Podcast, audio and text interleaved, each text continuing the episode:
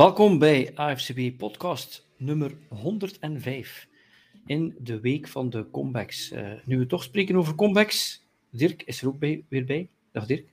Dag Frans, goedenavond. En uh, Jens, die is er ook. Dag Jens. Hey, dag Frans. Dag Dirk. Uh, Alexis, die zal er ook later nog bij komen. Die moest, heeft nog zijn tractor parkeren. Maar eens die, letterlijk, hè? Letterlijk. Heeft, letterlijk. Eens die dat gedaan heeft, dan komt hij erbij. Uh, onmiddellijk ook uh, mensen verwelkomen op uh, YouTube en op de Facebookpagina. En je weet natuurlijk dat je tijdens de uitzending interactief kan zijn en vragen kan stellen. Um, waar kunnen we mee beginnen? met NFL nieuws. En NFL nieuws is deze dagen eigenlijk meestal slecht nieuws.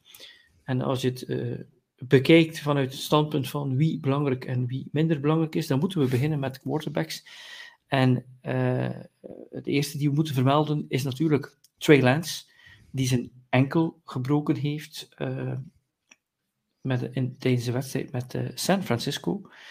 gelukkig hebben zij de wedstrijd gewonnen met Jimmy Garoppolo, die als backup er toch nog gelukkig was en niet getraind was. Um, maar we zijn uh, Trey Lance kwijt voor het seizoen. Is dat uh, slecht nieuws voor de 49ers? Of zal Jimmy Garoppolo, die toch een Super Bowl heeft gehaald en vorig jaar bijna in de Super Bowl zat, kan die dat gewoon overnemen? Goh,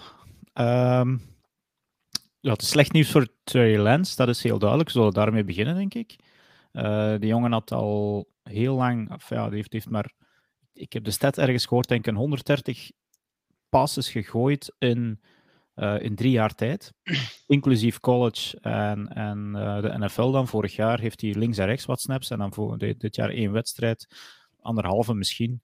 Uh, waar, waarbij dat hij eigenlijk nog niet echt gepresteerd heeft. Dus voor hem en voor de 49ers, hun drie first-round picks die ze eraan gegeven hebben, is dat slecht nieuws.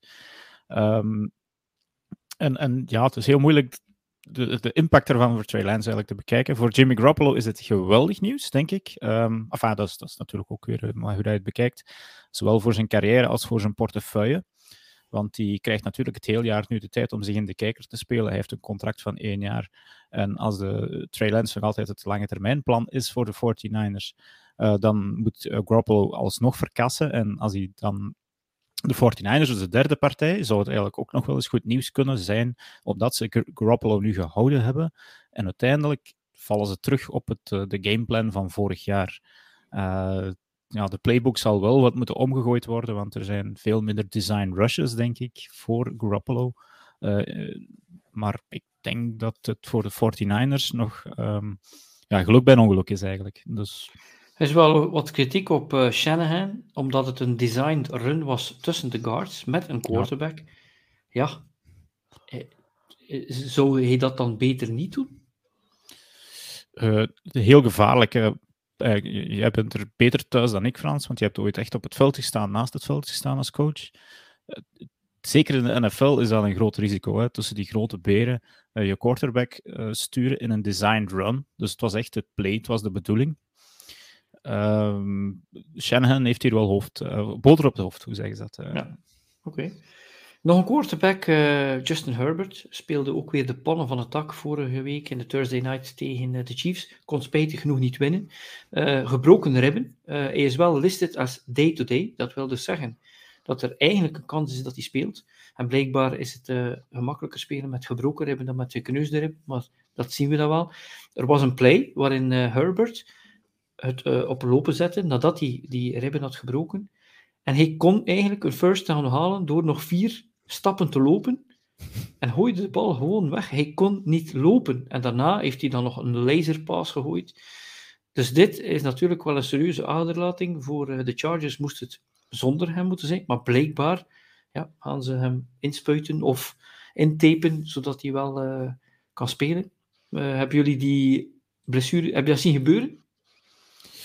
Um, ja, die, ja, Jens, jij misschien? Ja, nee, ik, allee, het was een klein beetje te laat voor mij als ik het wil combineren met een fulltime job. Maar ik heb achteraf wel de beelden gezien en in principe, allee, het zag er wel een redelijk harde hit uit, maar nu ook wel niet echt iets dat ik onmiddellijk zou van verwachten dat iemand zijn, zijn ribben breekt of kneust of whatever. Ehm, dus op het eerste zicht leek het mij wel oké, maar dan natuurlijk, ja, je weet nooit hoe dat iemand zich voelt. Ehm, ja, ik, ik, stond toch wel nog altijd versteld. Ik had ook die play gezien dat hij nog vooruit bleef lopen en dat hij dan de bal wegsmeet.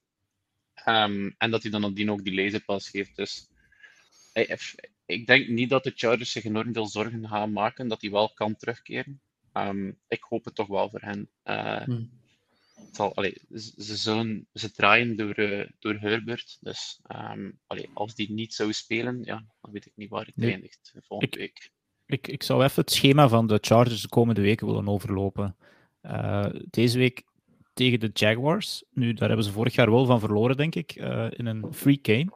Um, maar dan volgen ook nog uh, op verplaatsing bij de Texans, verplaatsing bij de Browns, tegen de Broncos en tegen de Seahawks. En dan is het een bye en dan de Falcons. Um, ik weet niet of dat de Chargers hier de grote risico's moeten gaan nemen met Herbert. Uh, je zou denken dat dat cakewalks kunnen of moeten zijn. Die, die, een paar, toch zeker enkele van die wedstrijden. Um, is het in Jacksonville? Of uh, in LA? Het is uh, in Los Angeles, maar ja, dat, dat maakt voor de Chargers meestal niet veel uit of dat het een uit- of thuis publiek is. Uh, nu, nu. Hm. Maar oh, ik, ik zou toch liever zonder thuispubliek spelen dan in een uh, hostile environment. Maar, ja. ja, nee, maar Chase Daniel is zeker de backup. Um, of, of, of, wie is dat daar? Ja, ja en dat is een van de best betaalde backups uh, in de laatste jaren. De, ja. de bearded one. Dus ik denk, ja, misschien dat jij hem wel zien, wel zien spelen, Dirk. Maar hij verdient zijn geld door vooral niet te spelen, eigenlijk. Hè. Dus Juist. Ik, uh, Juist. ik weet. Als je de nee, miljoen ben... zou berekenen die hij heeft per pas, dan, uh, dan tikt het wel goed aan. Het had, nu ja, ja uh, Chase Daniel is ook niet de slechtste backup dat je kunt hebben. Want ik herinner hem mij nog uh, mm. dat hij dat inkwam voor uh, Trubisky tegen de Vikings. En ja, dat we eigenlijk bijna terug waren aan het hopen dat Trubisky zou inkomen, omdat ja. Chase Daniel goed is in een bepaalde systeem. Dus inderdaad, voor Chargers fans is het niet de slechtste backup, maar natuurlijk, ja, nou, ik weet niet wat de Jaguars zullen doen na dit weekend. Zullen ze op de wolk leven? Zullen zij kunnen blazen binnenkomen in LA? Ja, ik, ik, ik durf geen, uh, geen hmm. uitslag pakken op die, uh, op die wedstrijd van dit weekend. Oké, okay, dan nog een derde quarterback, uh, Zach Wilson. Die heeft niet gespeeld de eerste twee weken. Die had een uh, gebroken duim, denk ik. Uh, maar voorlopig zou Joe Flacco starten. Wilson zal niet terugkeren tot hij 110% is. Geen idee wat dat dan betekent, dat hij dan elf vingers heeft. Uh, maar uh, die zien we nog niet terug. Uh, qua running backs hebben we gezien dat Kamara vorige week niet speelde, ook Ribben. Uh, nog niet zeker voor week 3, dus fantasy owners gaan dat goed in de gaten moeten houden. En James Conner, die had ook een enkel probleem, maar die zou eventueel wel spelen. Dan hebben we enkele wide receivers. En dat hebben we toch al onmiddellijk gezien dat dat een rol speelde. Michael Pittman uh, van Indianapolis, die had quadriceps, die heeft niet gespeeld. En die hebben nul punten gescoord. ja. ja. Maar ja. nu, de, de, passing offense looked absolutely anemic without Pittman. maar dat was ook al een probleem voor het seizoen. Hè? Want, ik weet nog uit fantasy van, oké, okay, ja, Michael Pittman, goede target, ging een top receiver zijn, ook in fantasy. Dus die, en die, die was dan nog een sneaky pick ergens in de derde ronde. Um, maar daarna, wie was dan de volgende uh, wide receiver? Was dat die, die rookie Alec Pierce? Was het Naheem Hines? Is het niemand wist het eigenlijk. Moali Cox van, van die tight ends. En dan zie je direct, uh, Pittman is er niet en niemand weet het nog altijd niet eigenlijk. Dus, uh... ja. Dus ja, voorlopig zijn ze optimistisch dat hij zou terugkeren, maar ze weten niet zeker. Keenan Allen, die had een hamstring. Dat is natuurlijk iets waar je niet zeker van bent. En dan Jerry Judy bij de Broncos, ook ribben. maar blijkbaar zou het niet serieus zijn en zou hij toch kunnen terugkeren. Dus dat zijn een beetje de, grotere blessures in het nieuws die we deze week hadden. Waarvan de quarterbacks natuurlijk de belangrijkste zijn. En je starting quarterback verliezen, die, waar je inderdaad drie first round picks hebt voorgegeven. En waar je voorlopig nog niet te veel return van gezien hebt. Dat is natuurlijk uh, pijnlijk. En we zien dat Nicky zegt dat Chase Daniels maximum pre voor minimum werktijd, dat is zijn grote voorbeeld. Ja, dat zal wel iets te maken hebben met bediende zijn of ja, ja, staats, staatsbediende zijn. ja, het is eerder in die laatste categorie, denk ik. Ja, oké, oké. Goed. We kunnen eens kijken naar de recap van week 2. En we zeiden het al in het begin van de, de podcast, de week van de comebacks. Um, en ik ga, uh, de eerste die ik er ga uithalen, is toevallig ook eentje die mij aanbelangt. Uh, de Dolphins, die stonden 21 punten achter. En die hebben uiteindelijk gewonnen met uh, 42-38. Tonga, Tua Tonga Vailoa, 469 yards gegooid, 6 touchdowns. En je kan niet spreken van het feit dat Lamar Jackson slecht speelde. Want die heeft ook zijn touchdowns gegooid. En zelfs 9 carries voor 119 yards en 75 yard touchdown gelopen. Um, maar het was natuurlijk een uh, ongelooflijke wedstrijd. Waar ik op een moment in onze Slack of in onze Discord uh, uh, tool zei van oké, okay, het experiment Tua die is nu al voorbij. En ik ja? kan nu wel zeggen, en ik kan wel zeggen, na de wedstrijd, ja, zes touchdowns en zo. En het lijkt nu al veel beter te zijn met McDaniel. Maar ik vraag mij af, als, als je dit kan volhouden, telkens, uh, als, je, als je straks telkens één of twee touchdowns achter staat, en dan pas losgelaten wordt, en dan moet hopen dat je dat iedere keer kan ophalen. Ik weet niet wat, wat jullie daarvan denken. Um, ja, ik heb nu enkel de, de recap gezien eigenlijk, want ik kon zondag jammer genoeg niet live volgen. Uh, maar ik vond eigenlijk dat Tua heel de wedstrijd eigenlijk wel, vrij goed speelde. Uh, toegegeven wel heel veel dink en dank. Uh, voordeel is natuurlijk dat je, dat je Hill en Waddle hebt, die eigenlijk alle twee een beetje uit diezelfde hoek kunnen komen. Uh, en die, ik vond dat hij heel de wedstrijd gevaarlijk was. Dus ze worden daar uh, gestopt, denk ik, ergens in de eerste helft op een, een interception die naar boven wordt geslagen, dat niet zijn schuld is. Uh, dus ik vond dat hij eigenlijk heel de wedstrijd gewoon op een, een vrij hoog niveau speelde. Nu, het blijft een beetje raar om te zien, zo'n linkse poot die um, in de NFL goed presteert. Uh, dat is blijkbaar een beetje raar. En, en, ik heb zelfs beelden gezien van iemand die de wedstrijd gemirrord had. Alsof dat Tua rechts was. Dan zag je eruit als een topspeler. Uh, dus, dus ik, wil die beelden zien. ja, live. Ja, live niet natuurlijk. Maar, uh, dus volgens mij was, is, is het begint het er zo wat door te komen. En hij deed mij wat denken aan de Alabama Days, moet ik zeggen. Dit Tua okay. van, van zondag. Toen had hij ook top receivers. Hè. Dat is een beetje het, het tool dat ik dan wil, wil maken. Uh, hij heeft, heeft, maar een paar diepe ballen gegooid. Ik denk één touchdown. Ik weet niet naar wie dat het juist was, maar die was een beetje underthrown. Maar dan heb je Hill en Waddle, die alle twee dus die kwaliteit wel hebben om die bal te gaan halen. Um, ja, en dan zijn die grote tight ends er uh, zelfs nog. Ja. Ja, ja, dus Gesicki, uh, heel 11 receptions, 190 yards, twee touchdowns. Nu, wat je wel ziet, is heel veel coaches die het op deze manier aanpakken. Um, heel veel wordt beslist in de laatste twee tot vier minuten. Ik hou het tight, niet te veel risico's nemen, geen turnovers. En dat is een beetje hoe Tua sinds hij start bij de Dolphins speelt. Maar als het dan plotseling nodig is, dan blijkt hij toch wel de skills te hebben om het te kunnen. Dan is mijn vraag natuurlijk is het dan niet simpeler om release van het begin zo'n kerel? En, en wat, wat houdt je tegen? Mm, ja, gamescript uh, een beetje waarschijnlijk. Hè. Maar... Hmm. Misschien ook, ja, een nieuwe coach, die moet er ook nog wat in komen. Misschien zien we daar nog wel wat uh, de effecten van, dat we richting, allee, naarmate dat seizoen vordert, 21 punten zullen ze niet iedere week ophalen. Dus uh, nee. allee, dat is al even om op uw vraag te antwoorden, Frans van daarnet. Ja. Dat zal niet ja. gebeuren. Je kunt dat een paar keer doen, maar op een bepaald moment wordt die ook gewoon gezien. Ja. Um, maar ik verwacht nu ook niet dat dat nog zal blijven gebeuren. Ik ken de schedule niet van de Dolphins. Um, maar ik heb wel een ploeg aan het werk gezien. Uh, weliswaar via Redzone, dus niet de volledige match. Maar ik heb een ploeg aan het werk gezien die weerbaarheid toonde, die talent toonde op iedere positie wanneer het nodig was. Ja, ik heb, Tua kan, kan het, we hebben het gezien. Uh, Hill en Waddle verdelen de, allez, verdelen de aandacht nu een klein beetje. Ik ben nog altijd merendeel die naar Hill gaat, maar Waddle is volgens mij van de meeste onderschatte receivers misschien geweest. En je zag dat misschien ook wel. Ik heb hem he heel laat in fantasy kunnen draften. Um, wat dat we ook wel veel zei. Hm. Dus ik geloof wel dat we naarmate dat seizoen zal vorderen, dat we Dolphins misschien iets meer in de ritme zouden krijgen vanaf het begin van de match. Dus uh, allee, het is een leercurve, het is een, allee, een first-time head coach. Uh, we kunnen niet verwachten dat uh, vanaf week 1 en misschien zelfs al week 2 alles vlot zal lopen. Kijk naar de Vikings. Maar allee, ik zie ik, maar ik zie wel, allee, ik zie geen problemen op dat vlak dan voor, uh, voor de Dolphins richting de toekomst.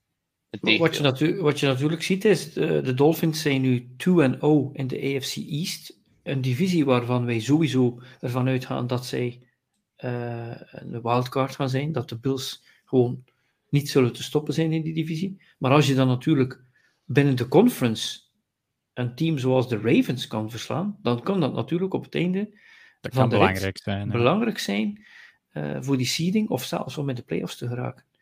Dus dat was de eerste verrassing. Uh, dat de Dolphins gewonnen hebben van de Ravens is misschien niet de grootste verrassing, maar natuurlijk de manier waarop. Wow. Uh, ja. Vond dat het feit, de Ravens had ik heel hoog ingeschat voor het seizoen. bijna Super Bowl waardig. Uh, en weinig af te doen van de offensieve prestatie van de Ravens. maken ook 38 punten eigenlijk. Mm. Uh, ik heb de Dolphins trouwens, uh, ik had die redelijk ver gezet in onze rankings, denk ik. Zeker een playoff plaats wel toegedicht. Zeker voor de Patriots, dat, dat wou ik zeker mm. wel gedaan hebben. Um, dus ik, ik, denk wel, en ik heb een schema net bekeken, volgende week tegen de Bills, serieuze lakmoesproef. maar die hebben niet het moeilijkste speelschema eigenlijk. Oké. Goed, ik zie dat er af en toe een viertal uh, kijkers bijkomen en weer verdwijnen. Dus uh, uh, moest, je op, moest je opmerkingen of vragen hebben, laat ons maar weten op deze podcast. We zijn de review aan het doen van week 2, de week van de comebacks. We blijven eigenlijk in dezelfde divisies. de Dolphins van de AFC East en de Ravens van de AFC North. Wie ook nog tegen elkaar spelen waren de Jets, de New York Jets en de Cleveland Browns. En uh, de Jets, die hebben gewonnen met 31-30, helemaal op het einde van de wedstrijd. Um, en wat daar heel belangrijk in is, is dat de Cleveland Browns op een bepaald moment 13 punten voorstonden. En, uh, sorry, dat de Cleveland Browns 7 punten voorstonden. En dat zij eigenlijk de klok hadden kunnen uitlopen.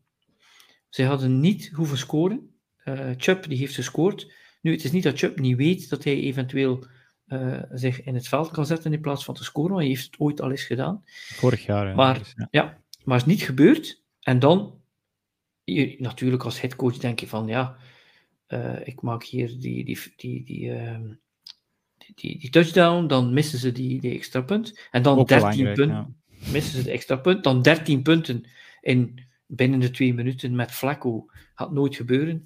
Flacco gooit een touchdown, ze doen de onside kick, ze recoveren hem en ze scoren nog eens en uh, ze winnen. Mijn vraag voor uh, dit forum, of voor jullie, is natuurlijk: uh, als je theoretisch zeker bent dat je een wedstrijd gewonnen hebt qua time management, is het dan niet de taak van de headcoach om gewoon als instructie te zeggen, niet scoren? Ja, hij had dat in de huddle moeten zeggen. Of toch in de helm van Brissett in ieder geval. Van, en had Brissett het misschien nog tegen Chubb kunnen zeggen van als we een first down halen. Want de, de first down lijn lag op de 2-yard lijn, denk ik. Hè. Dus hij had mhm. nog wel ruimte om neer te gaan. Natuurlijk, je hebt momentum van vooruit te gaan. Chubb is zo'n bowlingbal, speelde trouwens een, eh, een sterke wedstrijd. Uh, die stop je niet zomaar. En ja, ik denk dat de win probability zoiets van een 99,7 was of zo. Dus je mag die wedstrijd, of deze, dit scenario duizend keer nog eens doen en slechts in drie gevallen zullen de Jets kunnen winnen, theorie. Um, dus ze hebben wel heel veel pech gehad. Dus eh, als, als dat nu gewoon een overwinning wordt, misschien zelfs maar met zes of zeven punten verschil, dan valt er achteraf waarschijnlijk weinig nog over te zeggen. Nu, dat extra punt dat gemist wordt, dat is eigenlijk wel vooral vrij belangrijk. Die Katie York, uh, de rookie. Um, die dan mist. Uh, uiteindelijk ook nog die onside kick die recovered wordt. Er, er loopt ook een Brown gewoon al direct vooruit in die 10-yard zone. Wat dat hij daar eh, staat te doen, dat, dat weet ik niet. Uh, dan natuurlijk, ja, de receivers die worden plots wide open gelaten. Uh, door de, de, de, verdedigers van de Browns. Dus ook geen idee wat dat daar eigenlijk misgaat. Wel een beetje een revelation um, game van Garrett Wilson, de rookie, die eh, Ja. volgens mij twee touchdowns scoort. Ehm, dus dus die, die, die scoort er daar ook nog eens eentje. Eh, en uiteindelijk krijgen de Browns nog de bal terug met nogal wat tijd op de klok. En dan gooit Brissett net zijn enige interception van de hele wedstrijd. Eh, dus het, zo, het, het, het voorbeeld van een clusterfuck voor de Browns. Ehm, maar ik vergeet dan nooit wat dat die eigenlijk in het tussenseizoen gedaan hebben met de Sean Watson. Dus vrij weinig medelijden van mijn Eh, kant. Wat je natuurlijk wel eh, als headcoach, wat je kan onder controle hebben, dat probeer je onder controle te hebben. En voor mij is het wel heel raar dat je daar 25 assistant coaches hebt, dat alles op chart staat, dat er niets aan het toeval wordt overgelaten. En ik ben 100% zeker dat eh, Peyton Manning of Brady, los van wie headcoach was, Ja, zo. die hadden het waarschijnlijk zelf gewoon gezegd. "Wel, Ik heb dat al duizend keer geoefend in een soort op vrijdag of op dat als we in die situatie zitten, dat we dat doen, want de win heb je. De rest kan eventueel nog, eh, nog eh, verkeerd lopen. En ja, ja, soms moet je jezelf niet outsmarten. hè. En het feit dat het maar 1 op 100 kan, dat hij nog kan terugkeren, waarom zou je dat, dat eigenlijk riskeren? We krijgen een vraag van eh, Janus. Hij vraagt ons, wat is ons oordeel over Jacoby Brissett na twee wedstrijden? Ah, Jens, jouw eh, deskundig oordeel? Eh, deskundig, ehm, daar zal ik u helaas moeten eh, in teleurstaan. Oordeel, ja. He'll do until Deshaun Watson returns. Ehm, zal het goed zijn, soms wel, soms niet. Ik denk dat je het met Brissett niet 100% zeker kan zeggen. Ehm, natuurlijk moest ik een Browns fan zijn en ik heb Brissett, ja, uiteindelijk hij speelde, hij speelde wel een gedegen wedstrijd. Natuurlijk de interception. gedegen ups en downs. Dus ja, wat, wat moet je verwachten van Brissett? Ehm, ik, ik denk dat hij het zelf niet weet. Het, het doet zijn job, denk ik, eh, op, op dit moment. Voilà, maar, ja, maar- naar- meer naar, naar, naar behoren eigenlijk zelfs nog. Eh, als Maar, ik zijn ja. stats zie van deze wedstrijd, 22 Maar voor is dit een 27. uitzondering dan of niet?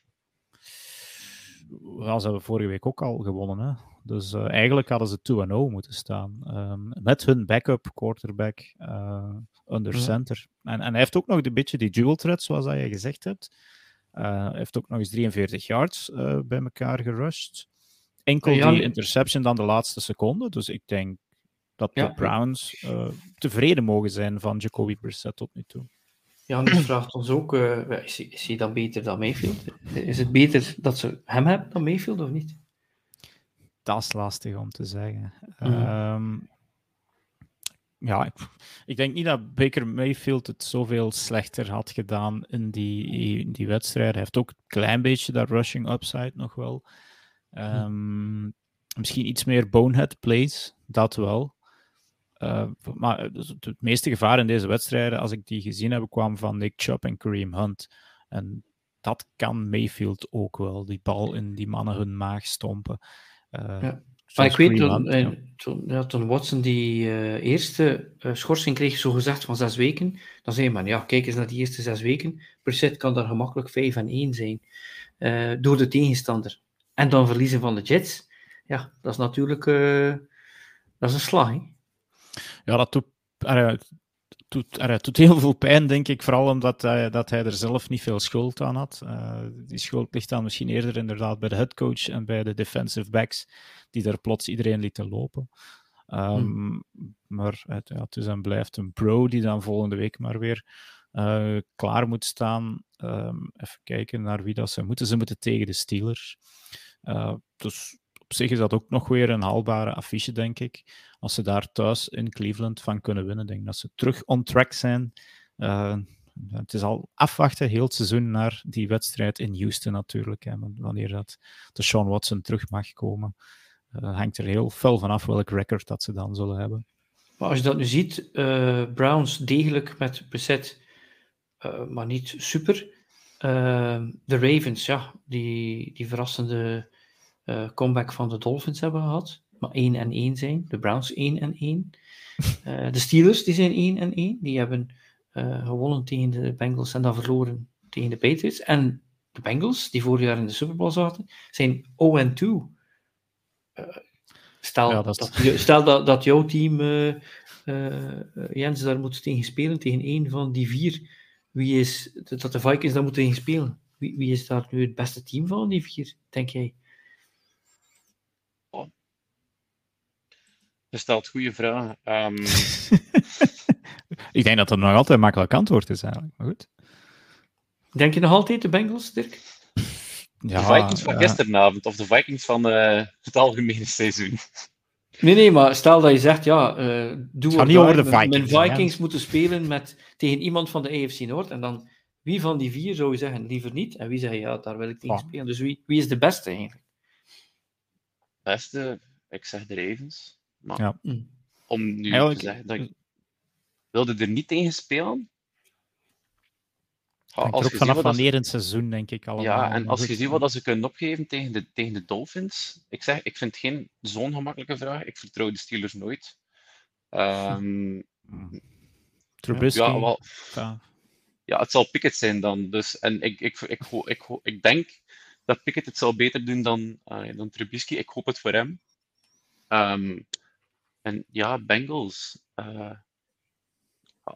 Wat, wat moeten we daar nu ook van denken? Dus ik, zeg, ik, vind, ik vind het eigenlijk wel een lastig om te zeggen tegen wie van die vier dat ik zou willen spelen.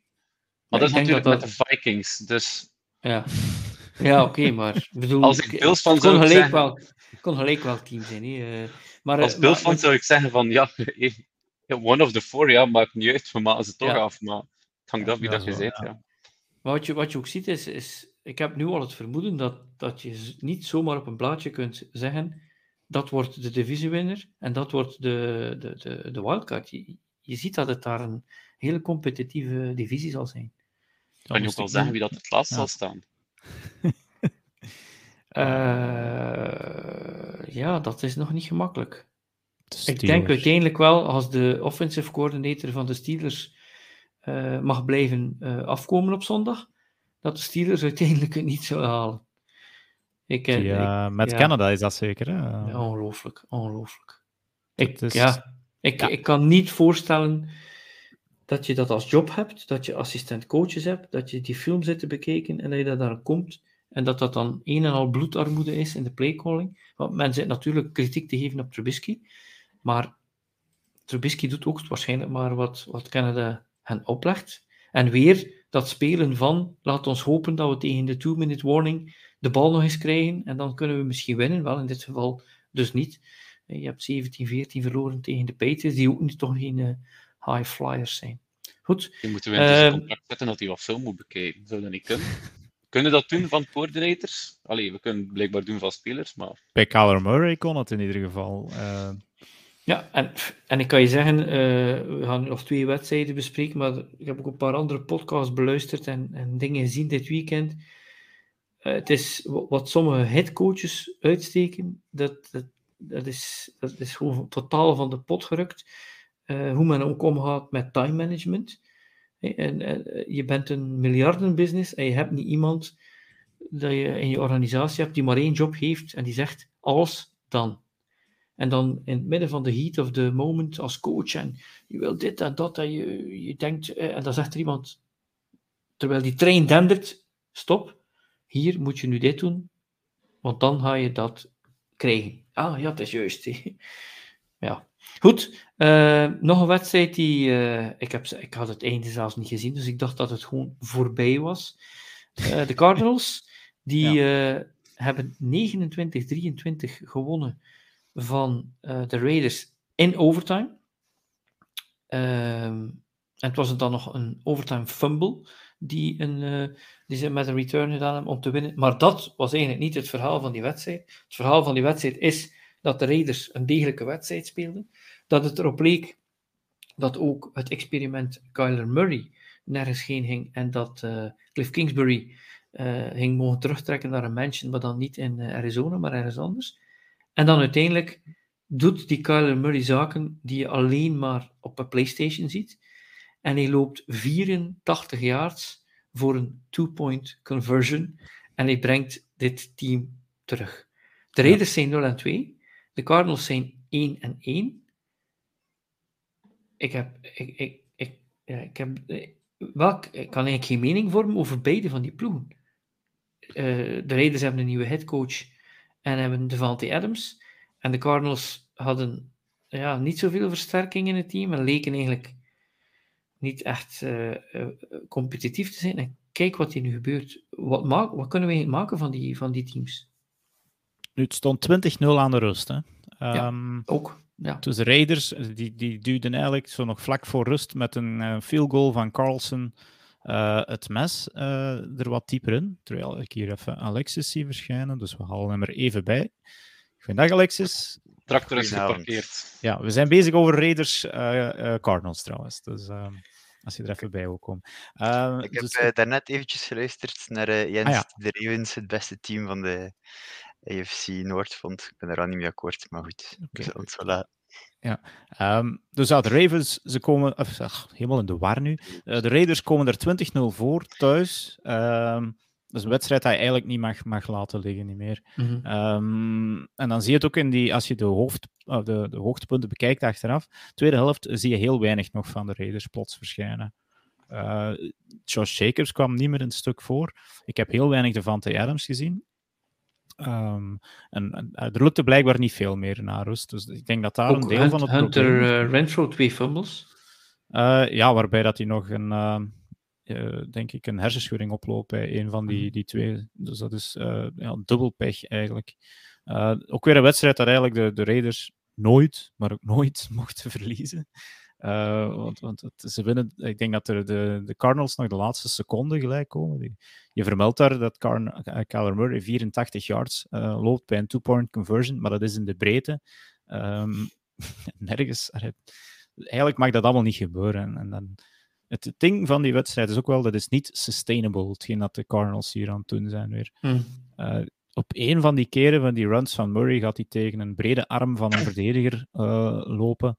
En, en ligt hij er uh, weer uit voor vijf, zes wedstrijden. En is het seizoen weer zit, zit, je dan, zit je dan niet met de situatie dat hij zo'n zo'n ongelooflijke atleet is, dat hij veel ja, tekortkomingen verbergt in dat team, maar dat je dan uiteindelijk wel zegt, wij zien dat team geen 9 en 8 worden dit jaar. Dat zal niet lukken. Ik, ik zie het ook niet lukken eigenlijk. Hè. Uh, hmm. Hij heeft eigenlijk ook Ah, Marquise Brown komt voor mij ook tekort als receiver. Uh, het was er plots allemaal Greg Torch. Ah, ik weet niet, kennen jullie die man? Greg Torch? nee, ik denk dat je veel uh, punten krijgt in Scrabble als je die legt. ja, inderdaad veel, veel meer klinkers. Uh, en en uh, James Conner is volgens mij ook geblesseerd uitgevallen, zoals hij ja. er straks vermeldde. Ja. En dat gaat James Conner bijna altijd hebben. Die vorig jaar een fluke seizoen gehad dat hij is niet geblesseerd geraakt uh, is geweest. En, en nu is het dan allemaal Daryl Williams. Uh, dus ik denk, ik geef de, de, Raiders zeker nog niet op. Dat komt straks terug in mijn bettingtips. En ik heb nog altijd heel weinig geloof in de Cardinals, die hier met, uh, hoe zeggen ze dat, hoerenchance volgens mij gewoon zijn gaan winnen. Oké, okay. dan is Alexis op het juiste moment aangeschoven.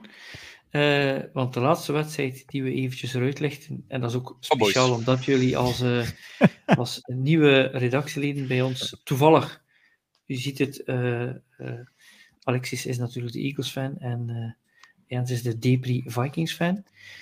de Vikings, die, de Eagles, die hebben 24-7 gewonnen tegen de Vikings. De Eagles zijn nu 2-0 en de Vikings 1-1. Ja, we hebben hier beide fans van teams in huis. Ik zou zeggen eerst de geslagenen. Uh, uh, Jens, wat heb jij gezien? Hoe, hoe analyseer jij deze wedstrijd?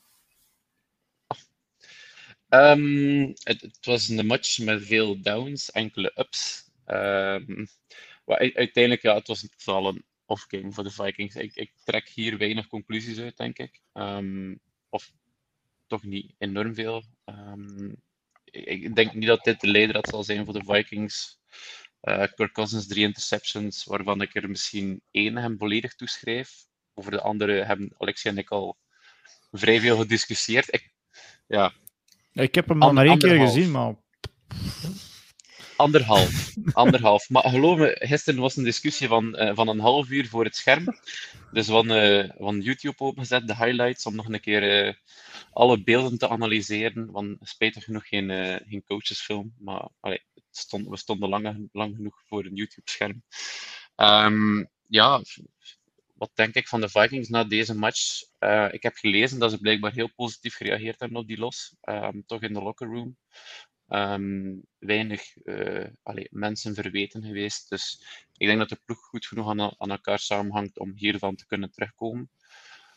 Uh, ja, natuurlijk, er zijn wel wat zaken exposed geweest. Dus natuurlijk, als je Kirk Cousins onder druk zet, komen er geen ballen aan. Uh, Justin Jefferson is niet het enige target op de, on the field die geldt. Alhoewel dat we verschillende targets hebben nog gehad bij anderen. Maar Ur Smith laat ze nog vallen voor een touchdown. Dus uh, allee, even de Christian Watson van de Vikings gezien. Um, dus ja, eh, in de preview staat het, alles zou moeten goed lopen. Um, het is 50-50, Vikings fans weten het zelf niet. En dat blijft zo na deze match, denk ik. En wat met die, uh, die vloek van die primetime? Want het lijkt toch wel een, uh, iets te zijn, hè? dat dat, dat er nog, niet in slaagt. Ik zei nog tegen Jens, voor, voor we keken, zei ik nog tegen Jens, ah ja, het is juist, het is uh, Monday Night Football en het is Kirk Cousins. Maar dan zei Jens, ja, maar vorige keer heeft hij gewonnen. Maar Kirk Cousins is 2 en 10 in primetime games. In Monday Night Football, sorry.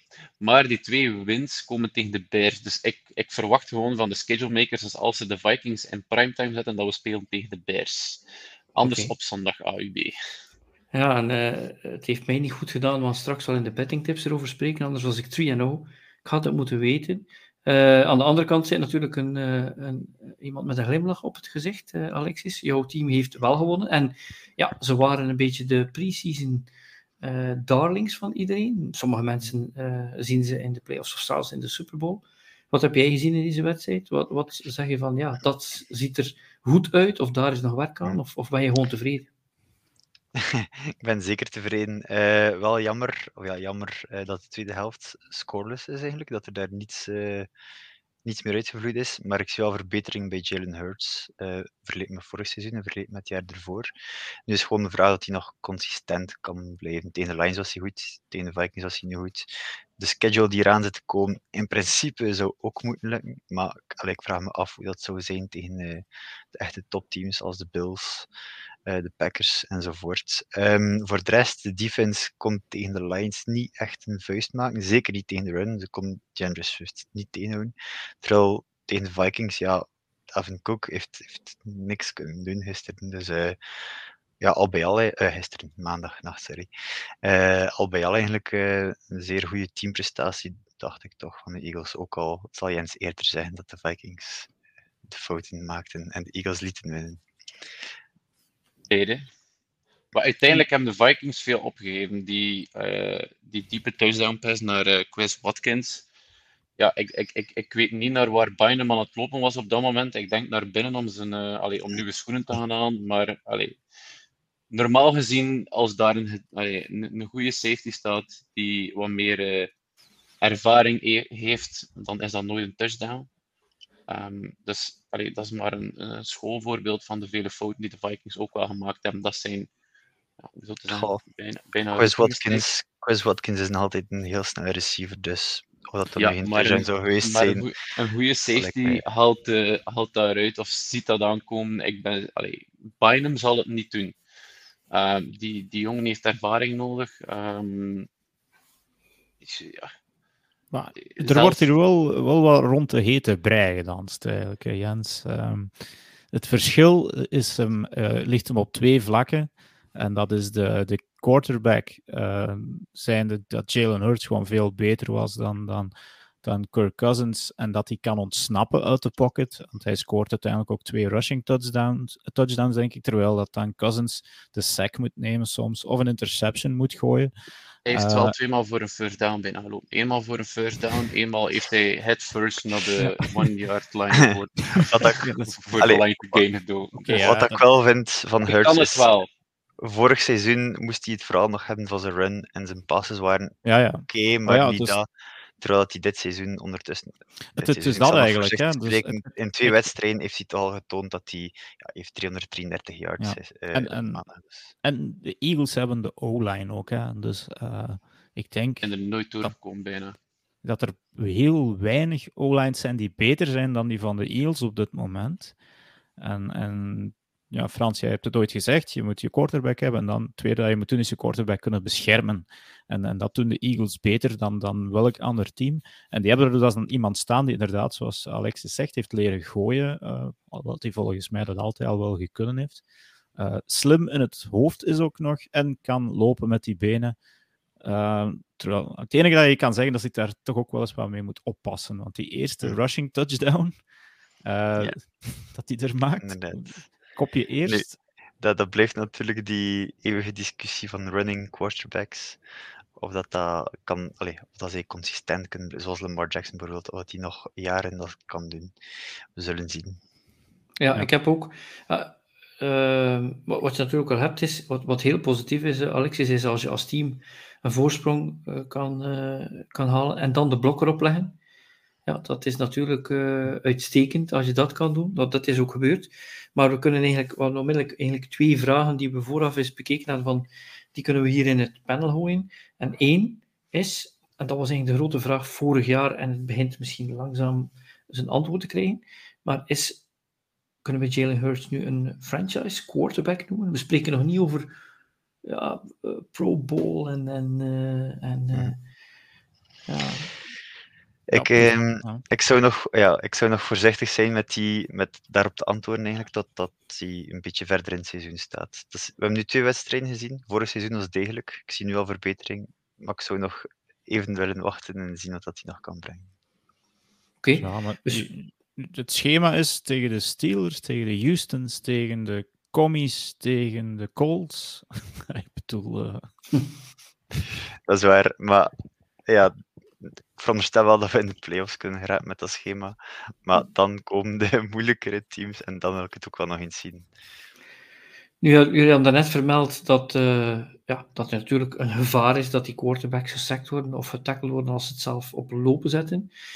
Uh, we zitten nog met een gegeven. Dat is uh, die Cincinnati Bengals. Die zijn niet alleen 0-2. Uh, Joe Burrow die is ondertussen 13 keer gesackt. en aan dit tempo zou hij wel eens heel veel keren kunnen gesackt worden dit jaar. En de vraag is, die we hier in het forum eventjes kunnen gooien. Ja, hadden de Bengals toch niet beter Penny Sewell genomen? Of zijn ze eigenlijk beter af met Jamar Chase? ik, ik heb dat hier al dikwijls gezegd en gevraagd eigenlijk. En telkens na een goede wedstrijd van Jamar Chase wordt dat terug onder de mat geschoven. Maar dit is niet houdbaar, hetgeen dat nu met uh, de Bengals aan het gebeuren is. Uh, die toevoegingen in het tussenseizoen, um, wie is dat? Lyle Collins zeker, die ze uiteindelijk van de Cowboys hebben overgenomen. de Cowboys moeten toch iets geweten hebben over die man, want hij liet zich gewoon uh, door. En ik weet niet wie dat het nog is. Is dat Kappa of die, die erbij gekomen is? Maar tegen dit tempo uh, gaat Joe Burrow het all-time sack record van David Carr, dat op 76 staan, niet zomaar evenaren, breken, maar verpulveren. als hij gezond blijft dan nog, tijdens die 17 wedstrijden. Want het, kan gewoon niet blijven. Gebeuren. Als ik van de Bengals was, ik ging zelfs nog op de. Ik ging voor een trade gaan op het moment ergens. Want ik, ik, weet het niet. Ik, um, ik denk als Panay Soul er nu zou bij geweest zijn, had je nog altijd Tyler Boyd, T. Higgins. Uh, uh, ik vind het een heel lastige om, om zomaar nu voor Jamar Chase te gaan. alhoewel dat natuurlijk de meest attractieve oplossing is. Mm -hmm. Oké. Okay. Ik vind het ook zeer lastig, omdat Jamar Chase heeft vorig jaar wel bewezen... Allee, het is deels door Jamar Chase dat ze natuurlijk die goede play voor hem kunnen doen. Dus ja, ja, ik weet niet. De long run. ja, dat is waar, dat is waar. Maar natuurlijk, ja, ze hebben nog de volgende drafts dat ze daarop kunnen focussen. Het is geen sexy pick natuurlijk, hè? Een, uh, een lineman picken. En vooral als je ziet wat uh, Chase doet. Vroeger in de NFL zag je dat bijna nooit. Receivers die kwamen in de NFL, de eerste twee, twee drie jaar waren die bijna onzichtbaar. Dan ja. begonnen die zich aan te passen aan het systeem en aan de snelheid. En dan als je al in je derde jaar iets deed dat Chase zijn eerste jaar deed, dat, was al halve Hall of Famer. En nu beginnen wij dat eigenlijk normaal te vinden als we zien wat er vorig jaar met die uh, receivers gebeurde. Goed, uh, dus we zijn begonnen met het nieuws. Dat ging vooral over de blessures. Dan die miraculeuze comebacks. En natuurlijk eh, de battle van onze twee redactieleden die goed uitgedraaid is voor Alexis. Uh, Jalen Hurts, franchise quarterback. The jury is still out on that. En de Bengals met of zonder Penny Sewell of Chase. Ik denk dat dat een discussie zal blijven tot er een van beiden retired of een van beiden echt Super Bowl ring haalt. ja, maar als, als Burrow dit seizoen nog eens geblesseerd geraakt, ja. denk ik door, door, een, uh, door die faulty O-line denk ik dat de, dat de discussie zou beslecht moeten zijn. Ja. Mijn ogen, hè. Maar... Goed, uh, Alexis en uh, Jens, jullie zijn hier niet alleen maar om over NFL te praten en onze podcast is ook niet alleen maar NFL. Als we kunnen, spreken we ook over het, het voetbal in België. Maar ook zeker over college. Jullie hebben ook voor ons een update hier te delen, denk ik. Ja, ja uiteindelijk, er, er is toch wel redelijk wat gebeurd in college de laatste drie weken. Um, ik zou jullie allemaal aanraden om een keer terug de reviews te lezen die iedere week gepost worden. Um, ik denk dat daaruit wel goed zal duidelijk worden dat het, uh, dat het een seizoen is die al de moeite waard was om te volgen, denk ik. Ik denk dat Alexie daar ook mee akkoord gaat. Ja, inderdaad. Zelfs week 2, wat wij niet in onze agenda hadden als uh, een zeer belangrijke week, was eigenlijk een van de betere weken, terwijl we echt al drie goede weken gehad hebben. Um, ja, met als hoogtepunt voor mij toch een beetje dan um, ja, Alabama, Texas, waar we tot in de laatste seconden eigenlijk uh, zaten te hopen op een, uh, een upset, die dan Alabama nog eens van de troon kon stoten. maar goed, we hebben ook een mooie wedstrijd gezien uiteindelijk. Um, het is natuurlijk niet de enige mooie wedstrijd. Vorige week bijvoorbeeld App State, die nog in de laatste minuten, de laatste seconden eigenlijk, met een heel Mary wint. Dat was wel uh, misschien wel het hoogtepunt van vorige week. Dat uh, komt in de ga, review nog aan bod. Ja, ik ga daar even ondertussen al inpikken. Ik denk dat we met die play van App State op het einde mogelijkste play van het jaar gezien hebben. Tegen Troy wel, hè? Het is ook ja, iets... Het is ook iets waar je kunt op oefenen. mijn statement. Het is ook iets waar je kunt op oefenen. Hè? Dat je werkelijk zegt van, een van de receivers die houdt zich gewoon achter degene die die bal moeten wegslaan. En dan kan die die proberen op te vangen. Of je slaat hem naar hem. Maar wat ik wel heel speciaal vond, is de, uh, de zaterdagmiddag hebben ze zo'n preview, preview show in college. Hm, game college Game Day. Ja. College Game Day. En dat was voor het eerst ooit in Appalachian State. Is dat correct? Mhm. Ja, ja dat klopt. Uh, dat was eigenlijk vooral. Allee, App State had al een goede wedstrijd gespeeld tegen North Carolina. Met 40 punten in het derde kwart. Nog maar eens het bewijs waarom dat college zo zot is. um, ja, inderdaad. Um, en dan de week... Voilà, en dan de week erna gaan ja. ze naar Texas A&M en winnen ze in Texas A&M. Texas A&M die voor seizoen zesde stond, als ik me niet vergis. Um, dus er zijn wel twee vrij goede wedstrijden terug. En vandaar dat, uh, dat College Game Day dacht van, uh, we gaan er daar. Als ik me niet vergis, dat is een euro in de pot. Een euro in de pot. Inderdaad. uh, nu, de, de, het was, je hebt week 0, week 1, week 2. Uh, maar, week 300 tussen. 300 tussen, inderdaad. Maar wat had je dan in het weekend dat je zegt van, die hebben bevestigd? En wat heb je gezien van, daar zijn teams die, oh, die toch wel uh, ja. uh, op een gevaarlijk pad zijn, die misschien wel geluk gehad hebben? Ik denk, als, als ik zo wat de top 4 bekijk die op dit moment bestaat, dus dat is, uh, we spreken over Georgia, Alabama, Ohio State en Michigan. Ik denk dat we van die ploegen niet hadden kunnen zeggen of kunnen voorspellen wat we nu zouden als samenvatting geven. Georgia is veel beter dan gelijk welke uh, preview die wij gelezen hebben, dan toch oh, allee, op vlak van Stetson Bennett, die we allee, misschien niet als twijfelgeval werd uh, aanzien voor, de, voor het seizoen, maar toch misschien als de key. Um, ja, Georgia is dus veel beter dan, dan, dan, verwacht. Alabama is iets zwakker, volgens mij, dan gedacht, maar dan ook wel een heel klein percentage. Maar zoals dat we gezien hebben tegen Texas, zijn ze, zijn ze kwetsbaar. Will Anderson is, um, allee, heeft daar ook wel getoond met denk, drie flags dat hij tegen had voor offside. Um, allee, dat hij toch nog uh, wat te leren heeft. Ohio State, um, ja, zeg maar. Nee, nee, zeg maar, zeg maar eerst. Ik ga dan uh, mijn verhaal doen.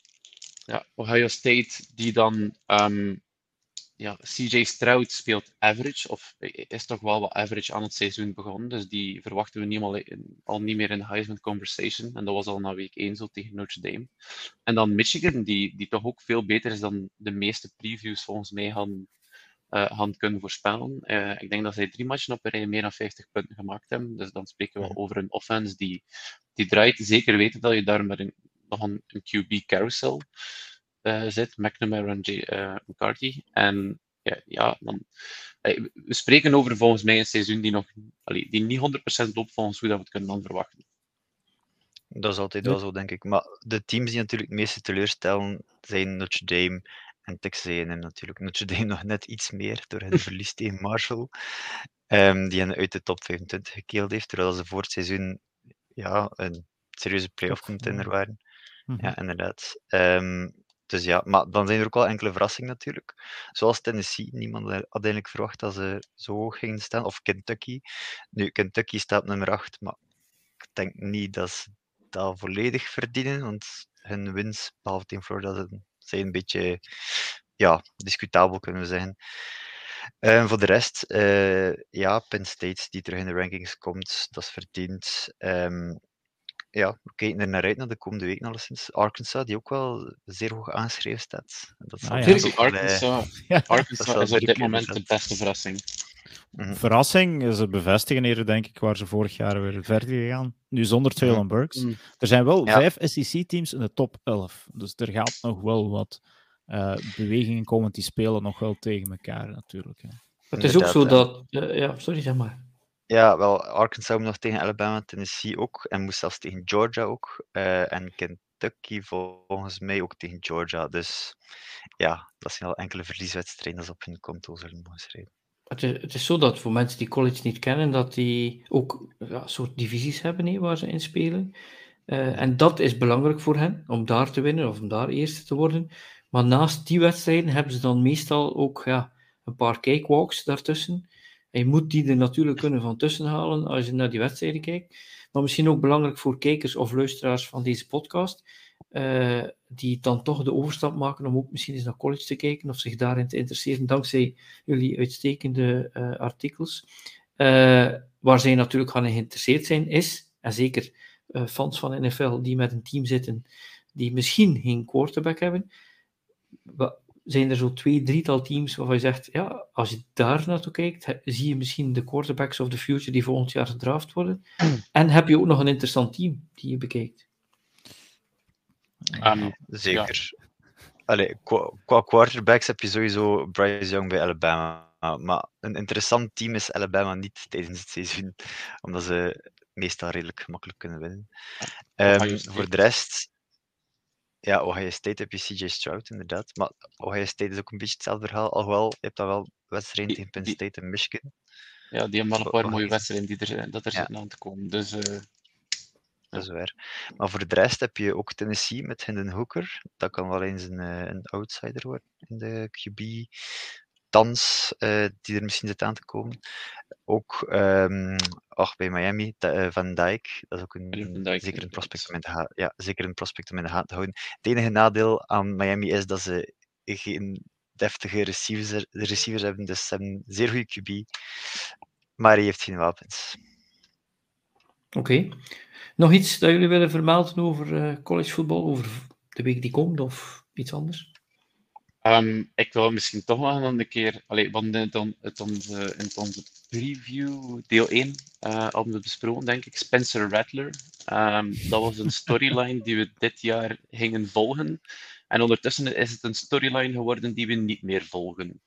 Um, Spencer Rattler, ja, die is uh, onlangs overgekomen van uh, Oklahoma, waar hij gebenched werd, om het zo te zeggen. Uh, die gaat naar South Carolina om zijn carrière te herlanceren. Um, en ja, ik, ik, ik ben aan het wachten op de herlancering, maar ik denk hij ook. Ja. Uh, dat is ook iemand die gevolgd werd al van in high school, hè? Ja, die had een uh, serie Netflix. Ja. ja, die had, die had de Q, uh, eh, QB1 was die serie. -hmm. um, ik weet het niet meer zeker, maar die heeft ondertussen ja, de, nog maar twee in, touchdowns geworpen, vijf interceptions. Dus uh, ik denk dat we wel kunnen spreken over een, allee, over een total letdown. En ik vind dat toch wel een zeer interessant verhaal om toch nog een keer te brengen. Ehm, zeker omdat we het aangehaald hebben. En de verwachtingen ook binnen, binnen college waren enorm hoog over, allee, voor hem en ook over South Carolina. Maar ja, die ploeg gaat wat mee ten onder. Verloren tegen Georgia, wat dat wel normaal is. Verloren tegen Arkansas. Nu al onlangs gewonnen vorige week. Maar daar spreken we niet echt over. Dus allee, voor mij was het toch zeker nog vermelden waard. Als jullie dit weekend één wedstrijd, los van het feit voor wie je een fan bent, hij zegt, ik raad deze wedstrijd aan aan uh, college, mensen die college willen bekijken, welke, dat je toch weet dat er een soort spanning zal zijn, maar dat ook misschien kwaliteitsvol is? Ik weet het wel. Ah, oké. zeg Kunnen we, kunnen we het raden? Arkansas tegen? Texas Ja, A&M. Tegen Texas A&M, dus dat denk ik dat er maar twee wedstrijden zijn tussen gerankte teams eh, dit weekend. Ja, het is niet Flor- zo... Florida Florida Tennessee. Tennessee is ook een zeer... Ja. Ja. dat was eigenlijk mijn keuze dan, Florida Tennessee. Oké. Twee SEC-teams ook, zoals Arkansas, Texas A&M.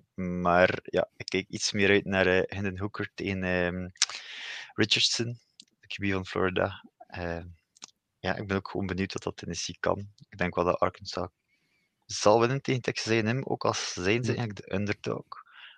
Maar ja, twee interessante wedstrijden. Oké, goed. Dat was eh, ons eh, stuk college. Dan kunnen we eventjes overgaan naar fantasy.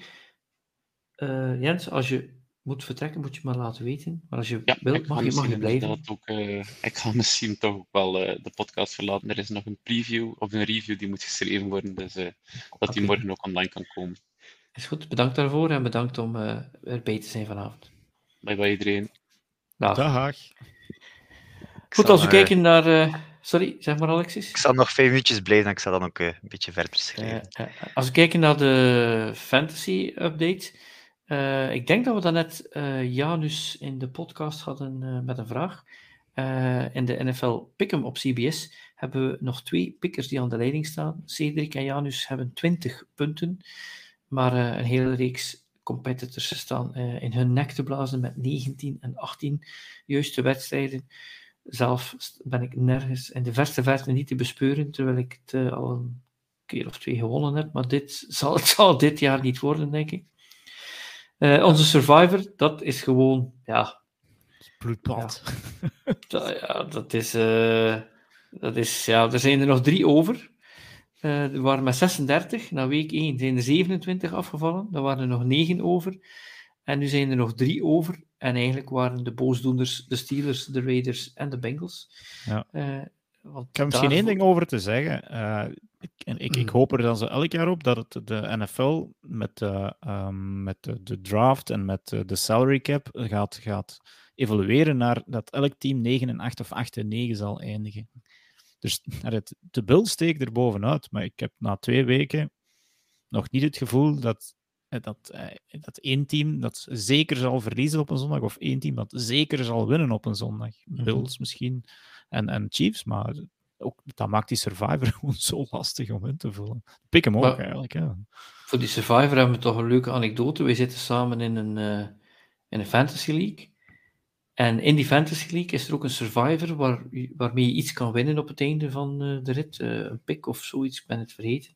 En jij hebt gewoon, was de enige die week 1 heeft overleefd, correct? Ah, echt? Oké, geweldig. Ja, ik had dat zelfs nog niet ja, ik heb die toen wel ingevuld, maar oké, ja, dat, dat is een meevaller dan. eh. Ik had Nu- daar de Ravens genomen waarschijnlijk. Ja. Op eh, de website AFCB, afcbelgium.com, dat is Ja. de WordPress-site, kun je over de fantasy lezen. Eh, er waren ook twee leagues waar, eh, eh, twee wedstrijden, sorry, waar heel spannende wedstrijden eh, waren, waar mensen met één of anderhalf punt verliezen of winnen. Het is altijd interessant, je kunt dat eh, eh, zowel via de link op onze Facebookpagina of op onze eh, pagina afcbelgium.com kun je dat lezen en kun je volgen wat er allemaal speciaal is gebeurd. Ehm, wat we ook hebben is, eh, we hebben ook betting tips. Eh, dat is iets wat eh, Dirk en ik zelf vorig jaar begonnen zijn. Eh, en dat was een tamelijk succesvol eerste jaar. Maar eh, de eerste week, omdat we ook goed begonnen waren, denk ik, maar de eerste ja. weken is het iets minder. Dirk, jouw eh, week 2? Ja, ook weer al 1 en 2. En ik vreesde e-, eerlijk gezegd dat het een 0 en 3 ging worden. Mhm. Mijn eerste bet had ik nog wel juist de Texans bij de Broncos, die met minder dan 10 punten mochten verliezen. Dat is gebeurd. Maar het ligt misschien ook eerder aan de Broncos zelf en hun headcoach, waar volgens mij toch ook een en ander over te zeggen valt. Ja, uh, ja ik weet het niet. Ja. Ehm, Heb, jullie weten het niet, misschien niet, maar het was zo slecht, het time management, dat de fans van de Denver Broncos ja, klopt. de, de klok vanaf 10 aftaalden, zodat ze zeker op tijd de snap zouden nemen. Dat was ongezien. Je eigen fans die dat voor je doen. Ja, nee, er, die, ja, er zijn een paar rookie headcoaches die het heel goed aan het doen zijn. Uh, maar er zijn er ook een paar bij die echt uh, de, bal stevig aan het mislaan zijn. Uh, ja. wat, had, wat had ik dan nog? De Steelers tegen de Patriots. Ik, um, ik geloof nog altijd niet in de Patriots. dus ik dacht dat de Steelers wel zouden kunnen winnen of binnen anderhalf punt zouden kunnen blijven. Maar plots was daar. Um, ja, ik kan niet zeggen dat de Patriots zoveel beter waren. De Steelers waren gewoon uh, slechter. En, en Dus die bet heb ik ook niet gewonnen. En dan de Panthers plus 2,5 bij de Giants. De Giants, een van de meest onverwachte 2-0 teams van, voor mij van de laatste jaren zelfs. Uh, om daar Brian, Brian Dable als rookie headcoach, die het er eigenlijk wel heel goed doet. Dus die heeft mij er uh, verrast en heeft mij een euro gekost. Dus ja, was ik weer 1 en 2. Maar eigenlijk, als je dat ziet, die, die, ik heb het ook gezet in het artikel, de spreads Vegas weet heel goed wat ze doen, want hier of daar één punt erbij voor jou, je wordt 3-0.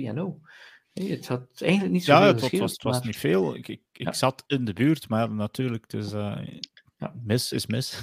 ja, ik heb was uh, ook al opgemerkt de, de, laatste weken dat Vegas er denk ik verdomd goed op zit. Dat je denkt van, dat is wel altijd nipt. Het is altijd, ja, het is 50-50 de laatste tijden. Ik, kan, uh... ik, ben, ik ben gewoon gestopt met die over-unders. Het was ongelooflijk hoeveel keer ik daar zat op te kijken en dat ik gewoon, het moest over 48 of under 51 of...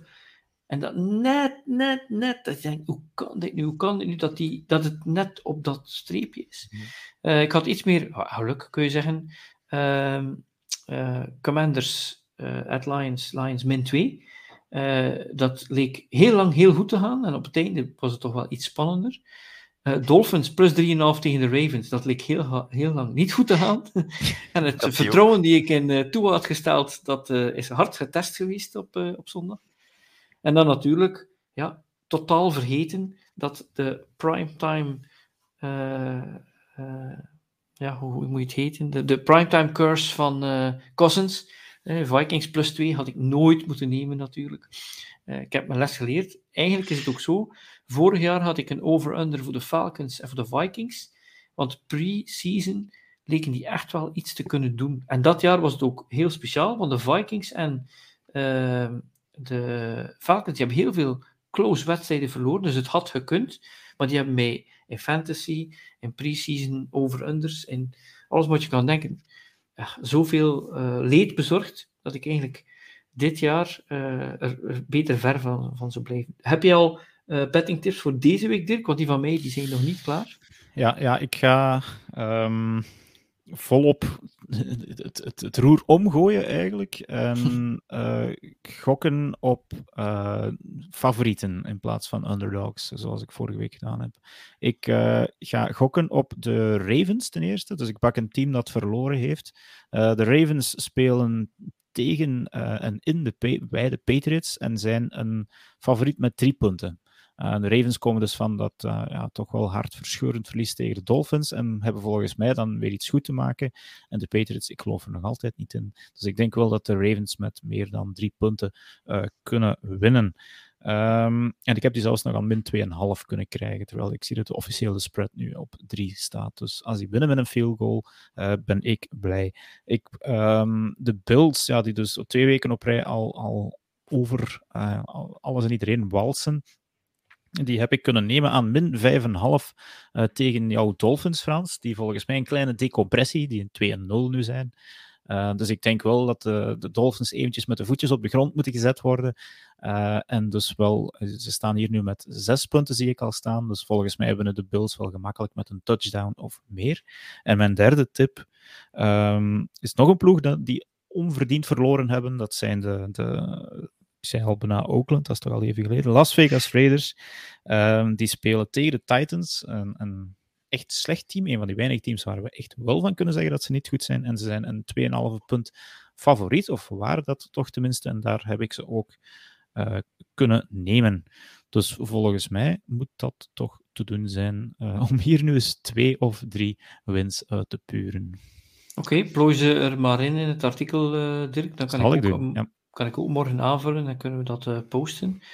Um, preview voor week 3. Misschien kan je nog even blijven, Alexis, want het is interessanter als Ja. we dit met 3 doen. De vraag die we dan eigenlijk altijd stellen is, eh, eh, los van wat het meest gehyped is, of, of wat, eh laten we maar zeggen, de goede gemeente denkt, voor welke wedstrijd het kan natuurlijk wel zijn dat het altijd de Packers is voor jou, Dirk. Het kan voor jou zijn, Alexis, dat het altijd de Eagles zijn. En het mag ook. Maar wat is de wedstrijd?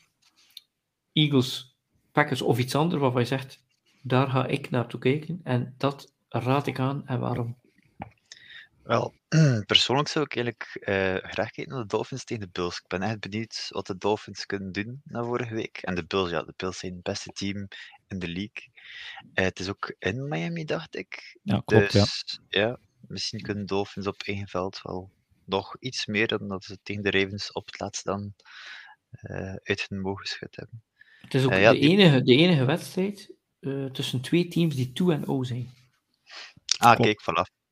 Ja, ik wist dat zelfs niet. Maar alleen aan die match ben ik wel benieuwd eigenlijk. Ja.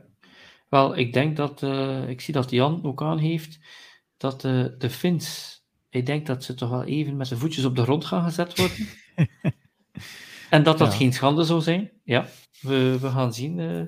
maar ja, inderdaad, ik kan natuurlijk alleen maar beamen dat ik zal geïnteresseerd zijn in die wedstrijd, naar de outcome, omdat ik gewoon, ja, ik wil geen rollercoaster.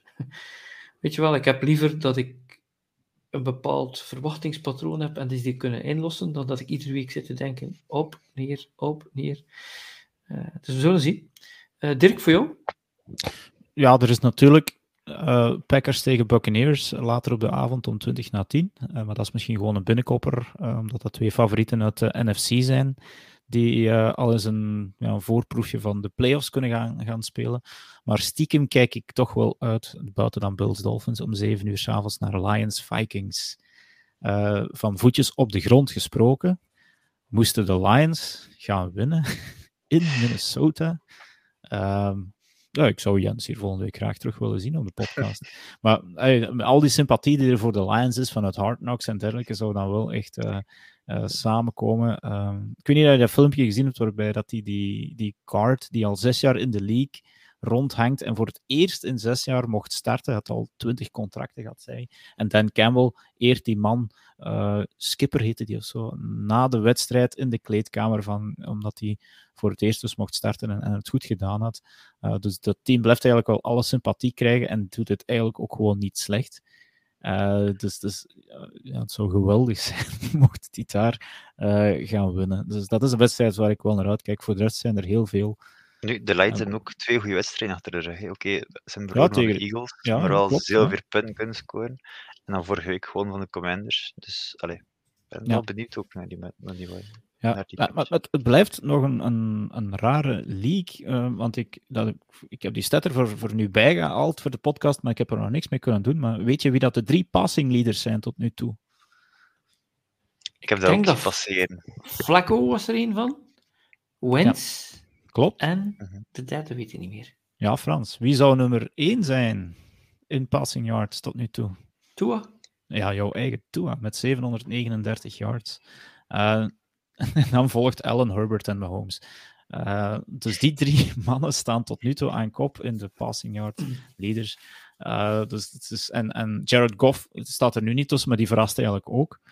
Dus het is een heel verrassende twee weken al geweest. Dus ik ben eens benieuwd of dat het gewoon zal verder gaan in week drie. Er zijn minder interessante wedstrijden tussen. Um, maar bijvoorbeeld Jaguars tegen Chargers, ook, ook dat kan zomaar eens een heel interessante wedstrijd worden. Als het zo verder gaat, natuurlijk, gaat het niet goed zijn voor de betting tips, denk ik. Nee, heel slecht. Zelfs ben ik blij dat ik elke week maar 1 euro op al die wedstrijden inzet. Ehm, en, en gelukkig is er wat minder affichen op Monday night, zoals de Cowboys tegen Giants. Uh, daar moeten we dan niet rouwig om zijn dat we dat missen. Mhm. Inderdaad, Goed. dat is al jammer dat de afgelopen weken de, net die topmatchen de s'nachts ja. uh, plaatsvinden. Wat, wat ik uh, eigenlijk wel kan beamen, wat jij net zei, Dirk, ik ben eigenlijk wel geïnteresseerd in uh, Jacksonville in, tegen de Los Angeles Chargers. Hopen natuurlijk dat Herbert speelt en ik, ik heb het al een paar keer gezegd, dat is voor mij de second coming van Marino, dus ik zie hem graag spelen. Maar ook ik heb al een paar dingen gezien van de Jaguars de vorige weken, waar ik denk, tja, is dat nu een kentering? Heeft die Doug Peterson daar toch iets nu gedaan? Of, of kon het gewoon niet slechter onder Urban Meyer? Uh, daar lijkt wel een, eh, een, kleine groove in te zitten. En die zal onmiddellijk wel bevestigd of te niet gedaan worden in die wedstrijd. Nu, ja, maar, Ik, zeg maar, zeg maar dit. Ja, ik, ik vrees voor de ribben van Justin Herbert, omwille van die andere Josh Allen die daar rondloopt. Oké, Juist, want die speelt ook de pannen van het dak. Hè. De pass rusher uh, is het zeker, of is, speelt hij mm. inside? Ik weet het niet juist.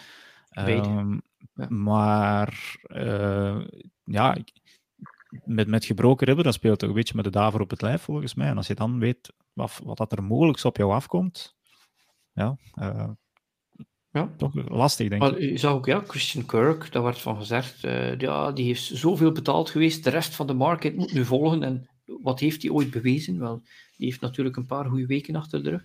Nu, die wedstrijd Jaguars, uh, LA Chargers, uh, dat is om 10 uur. Die ga ik uitgesteld moeten bekijken. En daar is een reden voor, want uh, jullie kunnen zondagavond op 11 Sports om 25 na 10 met yours truly kijken ah. naar Green Bay at Tampa Bay. Oké. wat voor mij natuurlijk een speciale wedstrijd is in die zin ik zeg niet dat, uh, ik vermoed dat uh, Rodgers volgend jaar zal retiren, maar ik heb de indruk dat het wel een van de laatste keren zou kunnen zijn dat Rodgers en Brady tegen elkaar spelen. En uh, dat zou natuurlijk wel tof zijn om die wedstrijd te becommentariëren. en vergeet niet dat Eleven Sports ook de Thursday Night Football, Sunday Night Football uitzendt dan, dan in origineel commentaar, maar de Sunday Night, daar kun je altijd Jurgen of mezelf horen. Dus zeker belangrijk om, uh, om dat te volgen.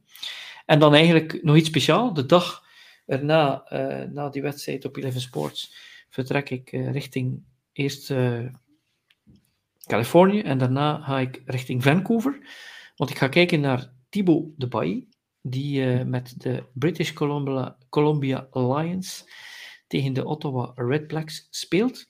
Uh, ik vermoed dat ik hem voor Eleven Sports wel ga interviewen en ik ga natuurlijk proberen sowieso wat content voor uh, eh, AFCB binnen te halen. Ik ben nu uh, een paar weken geleden in de wereld van TikTok gezogen.